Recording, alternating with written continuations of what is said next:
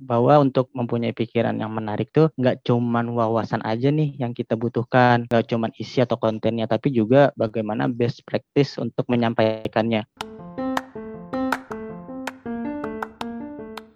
Hai, sekarang kamu sedang mendengarkan Tukar Isi Kepala.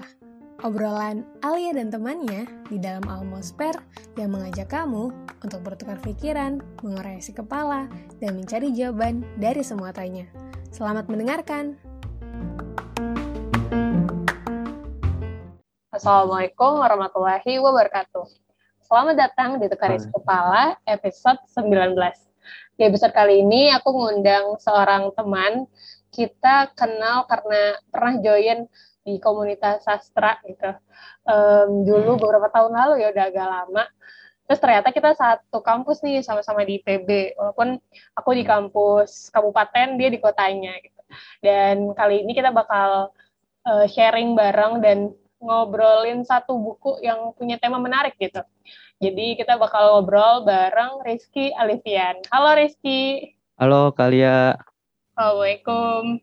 Kamu dipanggil Iki Waalaikumsalam. Iya betul Iki. Iya. Oke. Okay, Iki bener. boleh, Rizky boleh. Oke. Okay. Nah, jadi uh, dari Iki ada yang mau dikenalin lagi nggak? Oh ya, kamu IPB angkatan berapa gitu, jurusan apa, biar orang-orang barangkali ada yang kepo. Oke, okay. uh, eh, halo teman-teman semua. Nama gue Rizky Alifian, IPB angkatan 53, jurusan teknik komputer. Gitu. Ya, udah lulus ya? Udah lulus kali ya. Alhamdulillah. Alhamdulillah. Tapi belum wisuda. belum wisuda masih berteguh pada idealisme untuk wisuda offline. Iya iya. Semoga ya bisa segera kembali offline segala perayaan-perayaan di kampus. Amin, amin. Rizky gimana kabarnya? Alhamdulillah baik, sehat-sehat. Kemarin juga sempat swab, alhamdulillah negatif. Hmm. Kalian apa kabar? Aku sehat, alhamdulillah masih di rumah saja. Di rumah saja. Negara yang baik, nggak juga sih. Kalau aku dengar-dengar dari podcast yang lalu-lalu kalian nih sekarang sebagai anak rumah tangga, membranding diri sebagai anak rumah tangga. Iya sih aku uh, karena mungkin habis itu kan hab, baru lulus gitu ya, baru lulus terus yeah. baru ke rumah lagi setelah sekian tahun, jadi oh ya udahlah harus jadi anak rumah tangga dan ternyata okay. emang ngurusin rumah tangga tidak mudah ya. Memakan banyak waktu dan tenaga ternyata. Iya benar-benar. Vicky aktivitasnya apa? Aku sekarang kerja di salah satu perusahaan IT consultant di hmm. Jakarta. Terus juga aktif di masih aktif sih di Samsara tempat kita dulu ketemu. Cuman karena grupnya masih vakum, jadi nggak banyak aktivitas di sana. Sama juga lagi belajar bikin usaha nih kak si Mister Sayur gitu. Itu apa startup jualan sayur gimana? Ya, Mister Saya itu uh, usaha pertanian yang bergerak di bidang sektor agriculture, spesifiknya di urban farming dengan fokus memproduksi sayur hidroponik, kemudian menjual perlengkapan urban farming dan juga jasa pembuatan instalasi hidroponik. Oh. Iya. Keren-keren. Itu baru mulai? Itu udah mulai dari awal pandemi sebetulnya. Hmm. Awal pandemi itu kan karena iya karena kita banyak di rumah akhirnya tercetuslah sebuah ide untuk membuat usaha pertanian. Melihat kondisi di sana juga, kondisi di tempatku, lahan-lahan itu sudah dialihfungsikan menjadi pemukiman kali ya. Jadi untuk lahan pertaniannya sudah semakin habis, otomatis kami mencoba untuk mencari alternatif gimana supaya tetap ada sektor pertanian di tempat kami gitu. Dan tren buat berkebun menanam itu kan lagi tinggi tingginya ya orang-orang makin banyak iya. yang suka gitu. Cocok. Iya betul betul betul banget kali ya. Bisa tuh dipromosiin medsosnya atau apa? Ya Bisa. ada yang tertarik. Oke, kita ada ini sih kali ya, ada Instagramnya kalau mau follow bisa ke Mister Sayur underscore official gitu. Oke, okay. nah yang menarik nih teman-teman, kenapa aku ngundang uh, Iki buat di podcast kali ini? Uh, karena waktu itu Iki ngasih feedback tentang podcastku di episode berapa ya, 13 kalau nggak salah.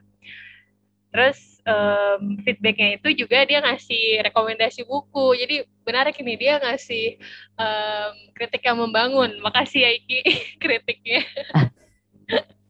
Iya sama-sama kali ya jadi kayak oh iya benar nih. Karena aku juga menyadari itu. Jadi kritik kritiknya kan waktu itu um, Miki bilang aku kebanyakan pas ngobrol sama narsum kebanyakan ngomong bukan kebanyakan ngomong aku nimpalinnya kayak cuma sekedar oh iya iya I see nggak aku lanjutin gitu kan.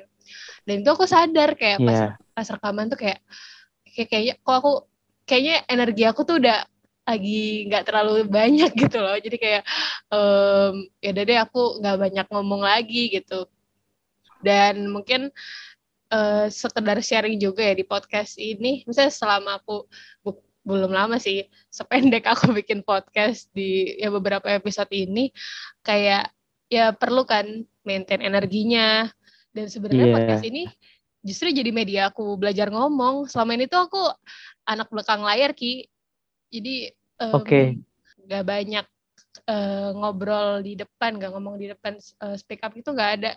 Paling nulis ya nulis buat catatan pribadi gitu. Jadi makanya ini podcast tuh eksperimen aku banget sih. Misalnya kalau kalau ada yang dengerin dan mereka dapat manfaat itu uh, alhamdulillah banget. Karena aku sebenarnya nggak nggak kepikiran sampai ke situ gitu. Jadi pure buat nyari teman ngobrol um, bertukar isi kepala. Emang itu sih alasan utamanya. Gitu. Iki udah dengerin podcast aku yang mana aja nih? Aku kalau untuk soal mengingat kurang ini ya kali ya. Tapi sejauh ini ya hampir semua sih aku dengar yang tentang cuttingnya kali ya di film itu loh Hmm, ya, ya. Yang dari mana? Sama Rinda aku dengar. Oh, iya. Kemudian yang kemarin juga di Fari juga aku dengar juga tuh. Yang aku ingat ya sekarang. Hmm. Kan sebelum-sebelumnya memang aku udah inget juga salah satunya yang aku komentarin episode 13 itu. Oh iya iya itu. Sip oke. Okay. Aku nah, minta maaf deh sebelumnya karena apa? udah main komentar gitu aja. Lo enggak, justru makasih banget. Karena ya bener kan itu butuh feedback yang ya nambah. Kalau misalnya cuman oh ya keren oke okay, oh ya udah cuma gitu aja gitu kan nggak tahu alasannya gitu yang harus diimprove apa yang harus dihilangin dikurangin apa gitu. Jadi oh aku udah dapat poinnya. Dan ini aku jadi sebenarnya agak jadi ke trigger sih. Ini aku um, bahas tentang eh, misalnya di komen gitu sama Iki terus ntar aku bikin di podcast ntar kalau tiba-tiba aku lagi energinya habis gak bisa ngomong kayak gimana? Gitu tapi ya udah karena uh, sekarang kita mau bahas itu ya how to have beautiful mind. Ya itu waktu yeah, itu kan Iki nyampeinnya gimana sih? Coba kamu uh, re remake eh, bukan remake uh, rewind waktu itu kamu pas kom ngasih komentar aku kayak gimana? Di chat sih. Ini ini seingat aku ya seingat aku uh. itu waktu itu karena abis dengar episode 13 hmm. terus kenyimak Kak Alia memberikan jawaban-jawaban dari narasumber tuh kayak cuman seadanya aja gitu. Tidak ada feedback yang diberikan. Terus aku bilang, kalian untuk menyaran, eh, menyarankan kalian untuk baca deh di How to Have a Beautiful Life ada cara untuk menjawab dari pertanyaan atau pernyataan yang diberikan oleh narasumber. Salah satunya adalah ketika kita setuju itu nggak cuman oke okay, aku setuju tapi juga mencoba untuk berkontribusi memberikan ide pada hal yang disetujui. Nah, itulah yang membuat percakapan jadi menarik kalau menurut Edward de Bono di bukunya How to Have a Beautiful Mind. Terus um, ini aku juga jadi beli kan bukunya di Woman. Dan itu memang benar kayak ya how to ya tutorial uh, lengkap iya. banget deh yeah. dari cara bersetuju, cara tidak setuju, cara aku lagi nih kita baca bacain daftar isinya dulu ya. Cara memiliki perbedaan, menjadi menarik, menjawab, mendengar, pernyataan, terus berpikir paralel, terus konsep, mengenal konsep, alternatif, emosi perasaan, nilai, deh, pengalihan dan perubahan tujuan, ya, um, ya tentang ada banyak ya. Iya, banyak banget ada 20 ada ya. Ada 8 ada 18. Mm -mm. Topik. Iya. Cara cara ngobrol dan yang cara ngobrol seru dan apa ya? Beautiful di sini kan beautiful mind dijelasinnya um, pikiran yang menarik yang itu lebih everlasting dari uh, tampilan fisik material yang bikin orang tuh tertarik sama kita gitu ya Atau kalau Iki Iya, punya definisi sendiri nggak tentang pikiran yang menarik? Kalau dari aku sendiri sih menurutku ya, pikiran yang menarik atau kalau di buku ini kan beautiful ya, indah. Iya. Tapi sebelumnya aku merujuk ke pendapatnya Edwardnya sendiri nih. Hmm. Kalau katanya Edward itu kan pikiran yang indah ini adalah sesuatu pikiran yang bisa dihargai oleh orang lain. Nah, aku tertarik sama definisi ini dan cara Edward membangun definisi ini. Jadi Edward pertama-tama memberikan definisi apa itu keindahan. Nah, kalau Hmm. kata Edward keindahan adalah sesuatu yang bisa dihargai orang lain. Akhirnya dengan definisi itu Edward memberikan penjelasan juga terhadap uh, beautiful mind itu adalah sebuah pikiran yang dapat dihargai orang lain gitu. Nah, kalau menurut aku sendiri pikiran yang menarik itu adalah pikiran yang dapat membangkitkan kesenangan ketika orang lain menerimanya. Hmm, Uh, kalian kebayang nggak?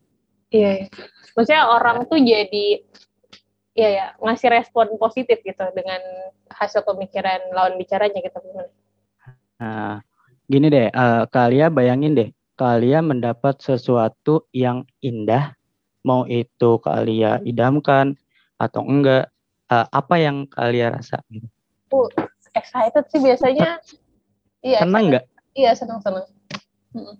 Iya. Begitu juga ketika kita mendapatkan pikiran lumrahnya, orang lain pasti akan merasa senang. Terus kenapa kenapa di sini aku bilangnya lumrah, nggak semua orang. Soalnya bisa aja nih ada yang malah insecure ketika mendapat pemikiran dari orang lain. Entahkah dia merasa tidak layak mendapat pemikiran itu karena dia merasa tidak mampu atau hal lainnya. Kalau kalau menurut kalian sendiri eh, pikiran yang indah itu seperti apa kak? Kalau aku sih eh, di definisi aku pikiran yang menarik itu pikiran yang jujur. Jadi hasil pemikiran yang original gitu.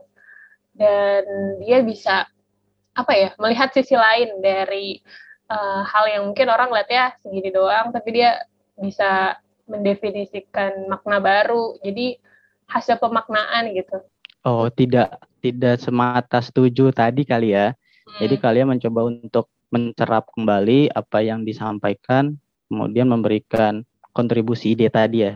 Hmm, jadi nyari apa ya? Ada hal baru dah tambahan. Kalau misalnya tadi case-nya cara untuk setuju ya, um, ya dia juga punya hal lain. Kadang kan mungkin karena aku ini ngaruh juga sih sama INFJ. INFJ tuh ini walaupun MBTI juga masih banyak itunya juga ya, masih banyak apa sih pro kontranya. Tapi aku ngerasa setuju Yeah. ya, yaitu cara berpikirnya dia um, lang- bercabang gitu, bubbling, bub, um, jadi kayak jaring laba-laba. Misalnya awalnya mikir ini, terus nanti ke mana-kemana. Nah, kadang aku itu mencoba menahan pikiran aku um, saat merespon. Jadi kadang misalnya aku aku lagi ngobrol nih sama kamu, Uh, terus Iya. kamu ngomong sesuatu, aku kepikiran hal lain, tapi itu sebenarnya agak jauh, dan aku harus ngasih konektor dulu kan, atau ya mungkin butuh penjelasan lebih banyak. Nah kadang ket- ketika aku cuman oh iya doang eh, nggak aku lanjutin gitu kan, itu karena aku ngerasa aku udah terlalu udah makin banyak bubble yang muncul, jadi kadang aku menahan itu karena khawatir khawatir apa ya, khawatir makin lama makin bakal panjang gitu deh kalau ngobrol sama aku gitu, gitu sih. Tapi kalau menurutku itu sesuatu yang seru tau kak ketika kita ngobrol dari satu topik kemudian lompat ke topik lain. Cuman ya tadi memang salah satu hal yang penting adalah kita menemukan koneksi atau konektornya nih supaya bisa lompat ke topik yang lagi dipikirin. Hmm, bener. Connecting the dots ya. Itu aku seneng banget sih pas Ah, istilah itu Steve Jobs kayak bener-bener karena ada banyak hal yang entah kita tahu, kita temui, terus itu semua sebenarnya bisa disambung-sambungin gitu kan. Jadi ntar muncul ide baru tuh. iya betul. Nanti muncul ide baru ketika kita mencoba menghubungkan dengan informasi lain. Oke, ini kita balik ke bukunya ya, Ki. Oke. Tadi kan udah ada 18 tuh, 18 topik. Dari kalau kamu paling eh, suka yang mana nih? Yang paling insightful menurut kamu yang mana bagiannya? Kalau dari 18 topik yang ada di buku ini, aku paling ngerasa insightful tuh di bab keempat yang ngebahas tentang cara menjadi menarik. dan juga bab 9 yang ngebahas tentang konsep. Hmm. Coba tuh ceritain. Aku sambil buka juga. Kenapa aku pilih bab 4? Waktu pertama baca judul bab ini, aku kebayang kalau bab ini tuh inti dari buku How to Have a Beautiful Mind karya Edward de Bono. Setelah aku baca, ada pembahasan yang pernah aku dapat sebelumnya dan ada juga yang baru. Yang pernah aku dapat tuh tentang menggunakan bagaimana jika. Ini tuh aku dapat sekitar tiga tahun lalu waktu kita masih aktif di Samsara gitu ya. Hmm. Di Samsara kata atau sekarang yang diganti nama jadi di Tanah Samsa. Aku pernah baca esai yang ditulis sama Neil Gaiman. Dia adalah seorang pengarang asal Inggris. Dalam esainya dia bilang tuh kau bisa mendapatkan ide saat kau melontarkan pertanyaan-pertanyaan sederhana. Pertanyaan yang paling penting adalah bagaimana jika. Nah, jadi sebetulnya bagaimana jika ini bukan suatu pembahasan yang baru buat aku, cuman dengan membaca buku ini aku jadi tahu ternyata salah satu hal yang mendukung untuk menjadikan pikiran kita menarik adalah dengan berpikir bagaimana jika atau kita memiliki kemampuan untuk membuat suatu ide baru. Hmm. Terus sedangkan hal barunya nih yang aku dapat di bab ini yaitu membiasakan mengatakan sepertinya itu menarik. Oh. Nah, kalau nggak kalau res, kalau ngerespon selalu ngomong itu dulu gitu. Iya. Soalnya ketika kita mempunyai mindset untuk melihat bahwa setiap yang sedang dibicarakan itu menarik, maka otak kita tuh terangsang untuk fokus pada topik yang sedang dibicarakan dan berusaha menemukan hal baru yang bisa dieksplorasi lebih jauh lagi. Dan aku sepakat sih dengan ini ketika merenungi perkataannya Edward de Bono untuk mencoba men-set pikiran kita melihat sesuatunya itu menjadi menarik. Dan aku mencoba ketika men-set pikiran itu jadi lebih sering mahamin apa yang lagi diobrolin sama orang kira-kira aku nanti bisa masuknya di mana nih atau aku bisa setujunya seperti apa tidak setujunya kenapa kayak gitu gitu hmm.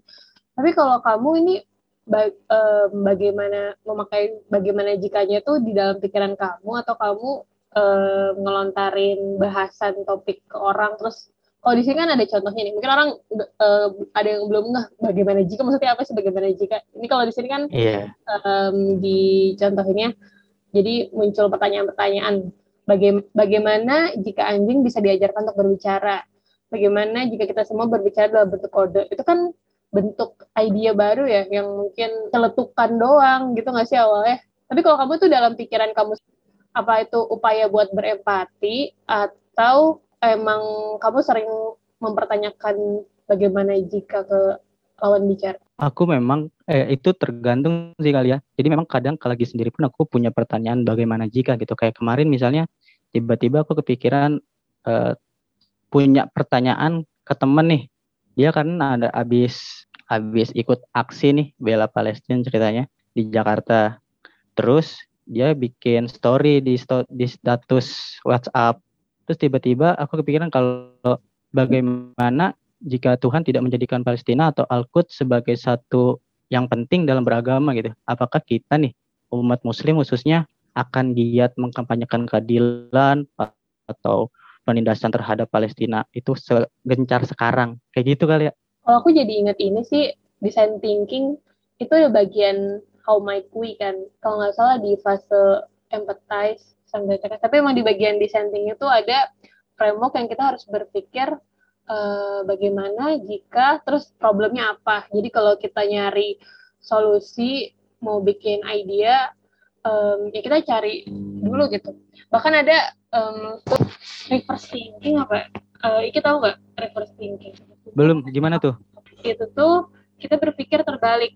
Misalnya nih, kita punya masalah pengen um, uh, kita pengen nyelesain masalah apa ya? Misalnya masalah kelaparan um, ini kita balikin cara berpikirnya. Bagaimana jika kita tidak bagaimana jika kita tidak uh, menyelesaikan masalah kelaparan kayak tadi sih kayak misalnya tadi Ikin pikir uh, bagaimana jika sebenarnya Palestina tuh nggak ya kita nggak harus ngebela Palestina. Jadi kita nge, jadi kita mikir kebalikan dari apa yang kita pikirkan gitu. Dan itu nanti bakal ketemu hal yang berlawanan kan yang uh, mungkin itu tuh kerugian-kerugiannya. Dan itu ternyata kalau dari yang aku baca di artikelnya justru bisa menemukan solusi lebih cepat gitu ketika kita pakai reverse thinking itu. Karena kita bakal tahu oh, oh ternyata inti masalahnya tuh ini gitu. Yang nggak kita punya tuh ini. Itu sih. Menarik juga. Pikiran untuk mengevaluasi apa yang sudah dilakukan gitu ya kali ya membantu hmm. kita. Tapi kalau misalnya tiga tahun lalu tuh aku kan menggunakan itu untuk mencari ide untuk menulis ya kak. Hmm. kayak bikin atau menganalisa cerita yang sudah ada kak. Misalnya bagaimana jika pada malam hari sebenarnya para mainan itu menjadi hidup jadilah cerita Toy Story. Oh, iya, iya. bagaimana bagaimana jika ternyata pangeran yang sangat ganteng itu adalah seekor makhluk oh, jelek. Jadilah oh, iya. oh, jadilah cek gitu kan? Kayak iya, gitu-gitu kalau dulu tuh konteks aku menggunakan bagaimana jika untuk bikin tulisan, bikin ide tulisan. Itu kadang ya, bener sih dari pikiran-pikiran yang selintas atau iseng. Kadang aku ngikutin, karena aku ngikutin Aulion. Dia tuh kadang sering tuh bikin story yang nyeleneh gitu pertanyaannya. Tapi jadi kalau dipikir-pikir jadi bikin overthinking juga, jadi mikir itu justru ngasah kreativitas nggak sih? Iya betul itu ngasah kreativitas banget menurutku. Karena si Neil Gaiman ini kan pengarang ya. Hmm. Dan ini salah satu proses kreatifnya dia untuk menemukan ide adalah dengan memper, dengan mengajukan pertanyaan-pertanyaan semacam ini. Di sini juga ada kan di bab 4 itu tentang kreativitas dan ide baru. Iya, ada. Masih nyambung kan tuh. Jadi memang pertanyaan ini untuk membangun kreativitas, kemudian ide-ide baru yang bisa dieksplorasi dengan mengajukan berbagai kemungkinan. Terus lanjut bab 8 ya Iki? Bab sembilan. Bab sembilan. Gue suka bab sembilan juga. Tentang konsep. Oh ya. Tentang konsep. Ada apa nih di tentang bahas apa konsep? Nah, di bab sembilan juga sebetulnya ini bukan pembahasan yang baru sih. Bukan pembahasan yang betul-betul baru banget yang pernah aku dapat. Tapi lagi-lagi dengan baca buku ini aku jadi tahu kalau salah satu hal yang menjadikan pikiran kita menarik adalah dapat berpikir secara konseptual. Kalau secara menyeluruh tuh aku jadi tahu ya bahwa untuk mempunyai pikiran yang menarik tuh nggak cuman wawasan aja nih yang kita butuhkan nggak cuman isi atau kontennya tapi juga bagaimana best practice untuk menyampaikannya nggak cukup cuman dari segi intelektualitas, namun juga dari segi adab atau ahlaknya untuk mempunyai pikiran yang menarik. Kayak gitu sih. Oh, ini tentang konsep, aku jadi kepikiran first principle thinking. Tau gak, Ki? Ah iya, aku pernah dengar juga tuh. Itu kan kayak kita, gimana kita memahamin konsep kan. Sebenarnya tuh apa yeah. sih prinsip dasar dari suatu hal. Dan itu juga dipakai hmm. buat, ya, buat nyari-nyari inovasi, ide kemarin aku sempat nonton video di yang diterapin di aplikasi-aplikasi startup startup yang jadi uh, disruptor kayak misalnya uh, Airbnb atau misalnya lihat Gojek deh. Kalau Airbnb pertama bahas hotel nih. Sebenarnya apa sih prinsip dasar dari sebuah hotel? Apakah yang dibutuhkan itu kenyamanannya, yang hotel kemewahannya gitu kan? Terus atau apa? Yeah. Tapi kan sebenarnya yang dibut uh, prinsip dasar dari hotel itu penyediaan akomodasinya kan, penyediaan tempat tidurnya yeah, betul. gitu bukan dari misalnya seberapa mewah, seberapa tinggi lantainya, bukan physically-nya gitu. Terus jadi gimana ternyata okay. bisa nyediain akomodasi di berbagai tempat di seluruh dunia, bahkan tanpa tanpa mereka punya bangunannya kan. Jadi kalau, kalau kita yeah. ngulik banget sebenarnya apa sih prinsip dasar dari suatu hal, itu kita justru bisa nemuin ide baru. Yang menarik sih, menarik sih ini buat dibiasakan gitu. Jadi emang harus biasa mikir kayak gitu. Iya betul kali ya jadi kita jadi lebih memahami nih kita tuh ngapain karena apa sih alasannya gitu kan. Contoh lainnya kayak misalnya konsep dari pakaian itu sendiri gitu. Pakaian itu kan konsepnya untuk menutupi tubuh. Tapi kalau misalnya kita tidak sadar akan hal ini, ya sering kali orang-orang terjebak pada pakaian-pakaian yang branded yang sebetulnya fungsinya sama aja. Jadi fokus ke esensinya ya? Iya, esensinya tuh apa sih sebenarnya gitu. Terus kalau bagian ini konsep, kalau aku sih itu yang kalau ini aku nambahin yang bagian aku suka ya. Mungkin iya. kamu udah pernah baca buku Edward de Bono yang lain? Aku belum kali ya. Kalian gimana? Udah baca yang lain juga belum? Juga. Kemarin kan waktu aku kepoin bukunya, oh ternyata banyak ya buku-buku bestseller uh, karya dia. Kalau aku ngerasa baru tuh yang di bab 8 yang tentang apa tuh? Yang berpikir paralel, enam topi Oke. Okay. Dan itu kan kayaknya jadi khasnya dia ya. Karena dia punya buku khusus yang Six Thinking Hat. Oh iya betul. Jadi oh pas. Jadi pembahasan secara menyeluruhnya ya. Hmm. Oh jadi penasaran. Cuma kalau di buku ini kan dibahas di satu bab aja ya. Terus kayak. Iya. Ini yang menarik juga sih buat diterapin. Jadi kayak ada enam jenis topi dan kita tuh um, berpikir secara paralel. Kalau ini kan tulisannya menjelajah dengan bekerja sama. Jadi kayak gantian gitu. Aku overview dikit ya tentang enam topi pemikiran, six thinking hat. Ada warna putih, merah, hitam, kuning, hijau, biru. Nah, setiap warna dari topi ini punya tugas atau punya jadi kalau kita pakai topi putih nih kita harus mikir tentang informasi jadi topi putih ber, e, berarti informasi kalau misalnya um, kita kebagian topi ini, jadi kita um, mikir apa sih yang kita ketahui tentang ini, yang kita perluin apa, apa yang ketinggalan, apa yang harus kita tanyakan. Jadi pokoknya kita gather information sebanyak mungkin gitu pas kita pakai topi ini. Terus ada topi merah. Kalau ini diartikan topi yang melambangkan emosi, perasaan, intuisi. Jadi kayak perlu kita keluarin emosi kita kayak sebenarnya kamu suka nggak sama ide ini? Terus menurut kamu um, ide ini bakal berhasil atau enggak? Jadi kayak ya lebih emosional lah intuisi menebak-nebak gitu kan kira-kira ini menurut aku menarik karena kadang ketika kita misalnya kita lagi diskusi gitu rapat kan ada yang misalnya orang kekeh dia emang orangnya thinking banget gitu. Harus um, mikirnya dari um, by planningnya dia aja gitu judging juga. Lanjutannya ada topi hitam. Nah, di topi hitam ini topi yang berpikir kritis. Nah, ini kita baru bisa menanyakan, mengkonfirmasi. Terus itu kan jadi kayak kadang orang mungkin gak imbang gitu. E, banyak yang ada orang ngasih ide, terus ya udah dia langsung di uh, langsung di counter, langsung diragukan atau apa.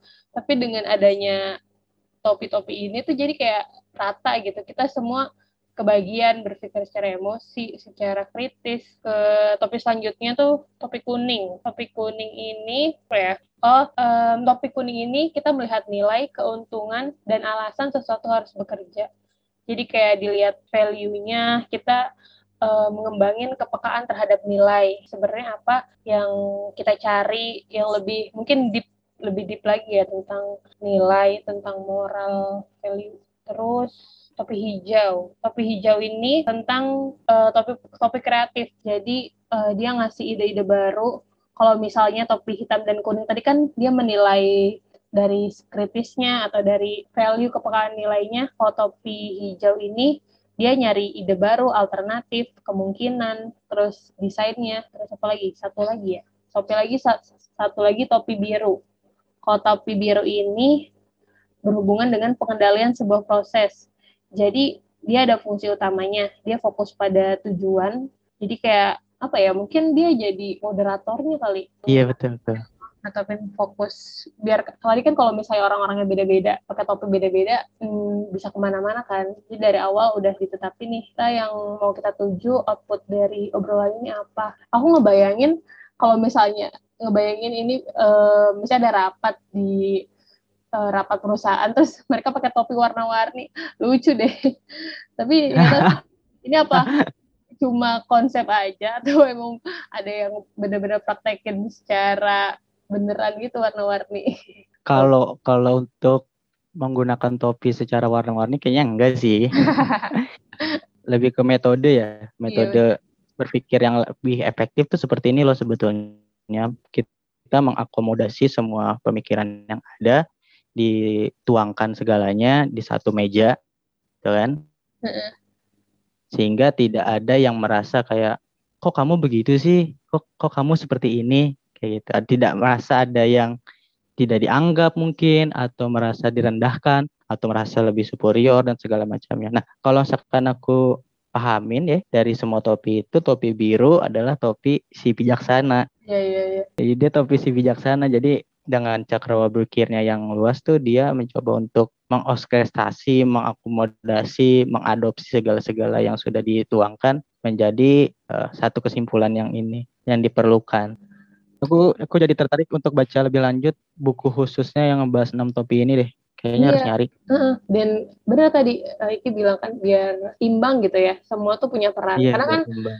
pernah sih aku rapat gitu. Terus ada yang emang dia suka ngelontarin ide karena anaknya hmm. mungkin lebih kreatif gitu. Sampai temen yang lain tuh bilang gini kok kamu bisa sih mikir kayak gitu? Misalnya kok kamu kreatif banget? Kayak gitu. Terus jadi kayak oh ya mungkin kalau misalnya dia setting dapet topi hijau gitu kan dia juga kan jadi kepaksa ya.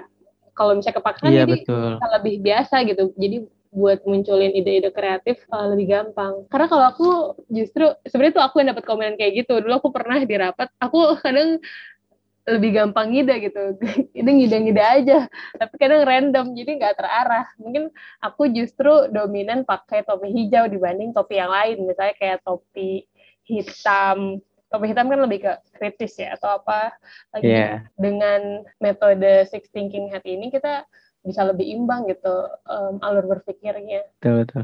Kalau Kak Alia topi hijau berarti aku topi hitam. ya, yang mengkritisi ya. Kritikus. menarik sih ini, jadi tahu. Oh iya ya, kita jomplang di mana nih, mana yang harus diimbangin. Ada lagi nggak dari kalian yang bab tertentu di sini yang kalian suka? Apa ya? Sebenarnya aku emang pengen baca ulang sih ini dan aku ya udah mengajak ke rekaman oh biar aku ke trigger baca lagi. Aku sempat karena aku sempat bilang ya agak over ekspektasi di awal karena uh, ini kan emang emang sih nggak salah karena kan ini bukunya how to ya, jadi tutorial. Iya. Yeah. kadang tuh dia ngasih contoh, tapi aku nggak relate gitu sama contohnya kayak okay. kenapa gini sih gitu. Uh, kayaknya ada contoh lain yang orang-orang lebih uh, umum gitu rasain kayak apa ya misalnya contoh dia ngomongin kudanil terus tiba-tiba ngomongin suku suku Zulu. Itu apaan gitu. Aku jadi kayak jadi agak males tapi ternyata oh enggak, enggak. Ini mungkin aku lagi nggak mindful aja sih bacanya. Tapi ini recommended sih buat hmm, karena aku juga pas baca ini tuh jadi self reflection juga ya. Kayak oh ya kayaknya aku kurang nih kayak gini atau dan ketika kita ngobrol itu jadi lebih ada strateginya nggak sih? Iya betul betul. Jadi punya apa ini yang harus kita lakukan ketika ngobrol sama orang lain gimana supaya orang yang kita ajak ngobrol ini tidak tersinggung, supaya mendapatkan informasinya secara utuh, supaya nggak saling baper. Iya. Soalnya aku pernah ya uh, membatasi hubungan sama temanku gitu gara-gara memang aku merasa cara dia menyampaikan pendapatnya tidak elegan gitu. Akhirnya daripada aku akhir benci sama dia, aku memutuskan untuk menjaga komunikasi sama dia. Setelah itu kami tidak intens berkomunikasi karena aku nggak mau benci sama dia kalian paham nggak? Iya paham paham. Tapi dia nggak sadar. Dia nggak sadar kayaknya. Cuman ya aku tiba-tiba tidak intens seperti dulu aja. Tapi kamu udah perasaan bersalah nggak? Enggak sih. Aku nggak rasa lebih baik seperti itu kayaknya. Uh, justru lebih ngejaga apa ya? Ya ngejaga emosi juga kan, ngejaga diri. Iya betul ngejaga diri supaya ya silaturahminya tetap terjaga dan tidak banyak energi negatif yang terbuang, yang terkeluarkan dari dalam tubuh. Oh ya, ini lanjut sih. Aku ada pertanyaan, ada apa ya? Ya ada ada pertanyaan di diri aku kan ketika uh, kita ngobrol nih entah sama temen baru atau temen lama. Kalau kamu uh, nyeleksi nggak sih, misalnya kayak seberapa kamu ingin terlibat atau ngelanjutin obrolan? Atau kayak ya udah kamu ke semua orang tuh sama gitu energinya segitu. Apalagi misalnya ke orang baru. Kadang aku tuh mikir kok aku per di beberapa orang aku responnya kayak males gitu jutek. Enggak ah, jutek sih sebenarnya lebih kayak ya mungkin karena aku nggak tertarik gitu kayak apa sih? Ngapain nanya? gitu. Jadi aku um, entah slow respon atau juga um, justru ngacangin. Tapi kadang di sisi ada perasaan bersalah kayak kok aku jadi kayak pilih-pilih sih? gitu. Pernah nggak kamu ngalamin kayak gitu? Kalau ngalamin kayak gitu belum pernah sih kayaknya. Cuman kayak tadi tuh ada case tertentu aku menjadi membatasi untuk melakukan komunikasi sama orang tersebut. Tapi overall aku seneng emang ngajak ngobrol sama orang baru. Cuman memang uh, ketika kita ketemu dengan partner diskusi yang tidak berimbang, jadi kurang nyaman gitu loh kali ya. Yeah. Jadi karena karena juga ya. Iya betul. Terus kayak ngerasa takutnya lebih menggurui dengan dengan lebih banyak ngobrol, lebih banyak memberikan pendapat. Akhirnya ya pinter-pinter kita sih ngelola supaya pembicaraan itu tidak tidak dominan pada diri sendiri atau tidak cenderung seperti merendahkan dia yang memiliki informasi boleh jadi di bawah kita kayak gitu kali ya. Makanya buku ini aku rekomendasiin banget sih sama teman-teman yang suka ngobrol. Hmm. Karena kan diajarin juga nih gimana kalau misalnya ternyata tidak setuju. Ya, gimana cara nyampein pendapat, nyampein pertanyaan gitu kan. Ini kayak mengasah empati juga sih. Uh -uh, betul mengasah empati kita juga dan melihat satu pembahasan tuh lebih jernih. Kita nggak mencoba untuk mengajukan pernyataan kita paling benar, tapi apa sih sebenarnya yang benar dari yang kita obrolin, yang kita obrolin sekarang ini. Terus kalau tadi ya masalah topik obrolan atau apa, kayak sekarang mungkin kerasa banget di kondisi seperti ini atau mungkin di umur 20-an kayak sekarang emang kita lebih menikmati deep talk gitu kan daripada sekedar small talk ya gak sih? Atau emang itu tergantung kepribadian aja? Kalau aku ngerasanya iya. Aku apa lebih sih? pengen ngobrol-ngobrol topik tertentu gitu. Deep talknya bisa random banget bisa ngobrolin apa aja. Tetapi nggak kayak cuman sebatas say hello gitu ngobrolin kerjaan lu apa sekarang. Tapi lebih kepada topik tertentu yang emang kita diskusikan aja kali ya. Dan memang yang aku concern sekarang ini tentang self develop sih. Bagaimana nanti ketika kita menjalani kehidupan nanti gitu ya kan kita mungkin akan menikah. Lu mempersiapkan itu enggak sih? Hmm. gimana cara me, cara membangun keluargamu? Bagaimana cara lakukan edukasi kepada anak? Kemudian bagaimana jika ketemu kasus seperti ini? Hal-hal yang hal-hal yang akan datang itu loh. Udah dipersiapkan atau belum? Itu banyak concern yeah. ke situ sih sekarang sekarang. Karena iya sih lagi masa-masa quarter life itu kan banyak itu ya banyak pertanyaan yang harus dijawab. Banyak hal, -hal iya, yang harus diwujudkan benar-benar pasti kita jadi banyak self talk juga tapi kita juga butuh di talk sama orang lain kan. Apalagi lagi pandemi gini kan. Bener-bener setelah kita dikurung berapa waktu tuh jadi kayak wah butuh ngobrol nih kita butuh mengeluarkan segala isi kepala. Makanya kita sekarang tukar isi kepala ya. Iya. Ya, nyam uh, bridgingnya masuk ya. Yoi, makasih ya udah dipromosiin. Mungkin kamu ada tips atau ada pesan-pesan lain entah buat aku atau buat teman-teman lain yang ngedengerin soal having a beautiful mind. Oke, terakhir ya closing statement dari aku sih hmm, ini aja merujuk yang tadi pernah yang udah aku bilang. Hal yang penting dalam berkomunikasi atau bercakap-cakap ngobrol itu nggak cuma isi konten sih yang perlu diperhatikan. Tapi juga bagaimana best practice-nya kita menyampaikan isi atau kontennya seperti apa. Nggak cukup modal dari segi wawasan intelektualitas tapi juga perlu adab dan juga akhlak untuk menyampaikannya seperti itu kali ya. Setuju, setuju. Percuma ya kalau misalnya uh, kontennya menarik tapi dibawa dengan arogansi atau apa. Jadinya orang udah males duluan kan ya. Iya betul. Masa kita ngomongin kebaikan sambil marah-marah, sambil dengan nada tinggi. Nah, oke, okay. well not tuh. Oke, okay. makasih banyak Iki udah sharing, udah review buku bareng, udah ngasih rekomendasi. Semoga ada manfaatnya ya buat kita Eh, masing-masing uh, juga buat teman-teman yang ngedengerin. Amin, amin. Semoga kita dapat manfaat dan juga teman-teman juga dapat manfaat dari obrolan kali ini. Makasih banyak ya Kalia. Ya, sama-sama. Kita tutup aja ya. Oke. Okay. Assalamualaikum warahmatullahi wabarakatuh. Dadah. See you.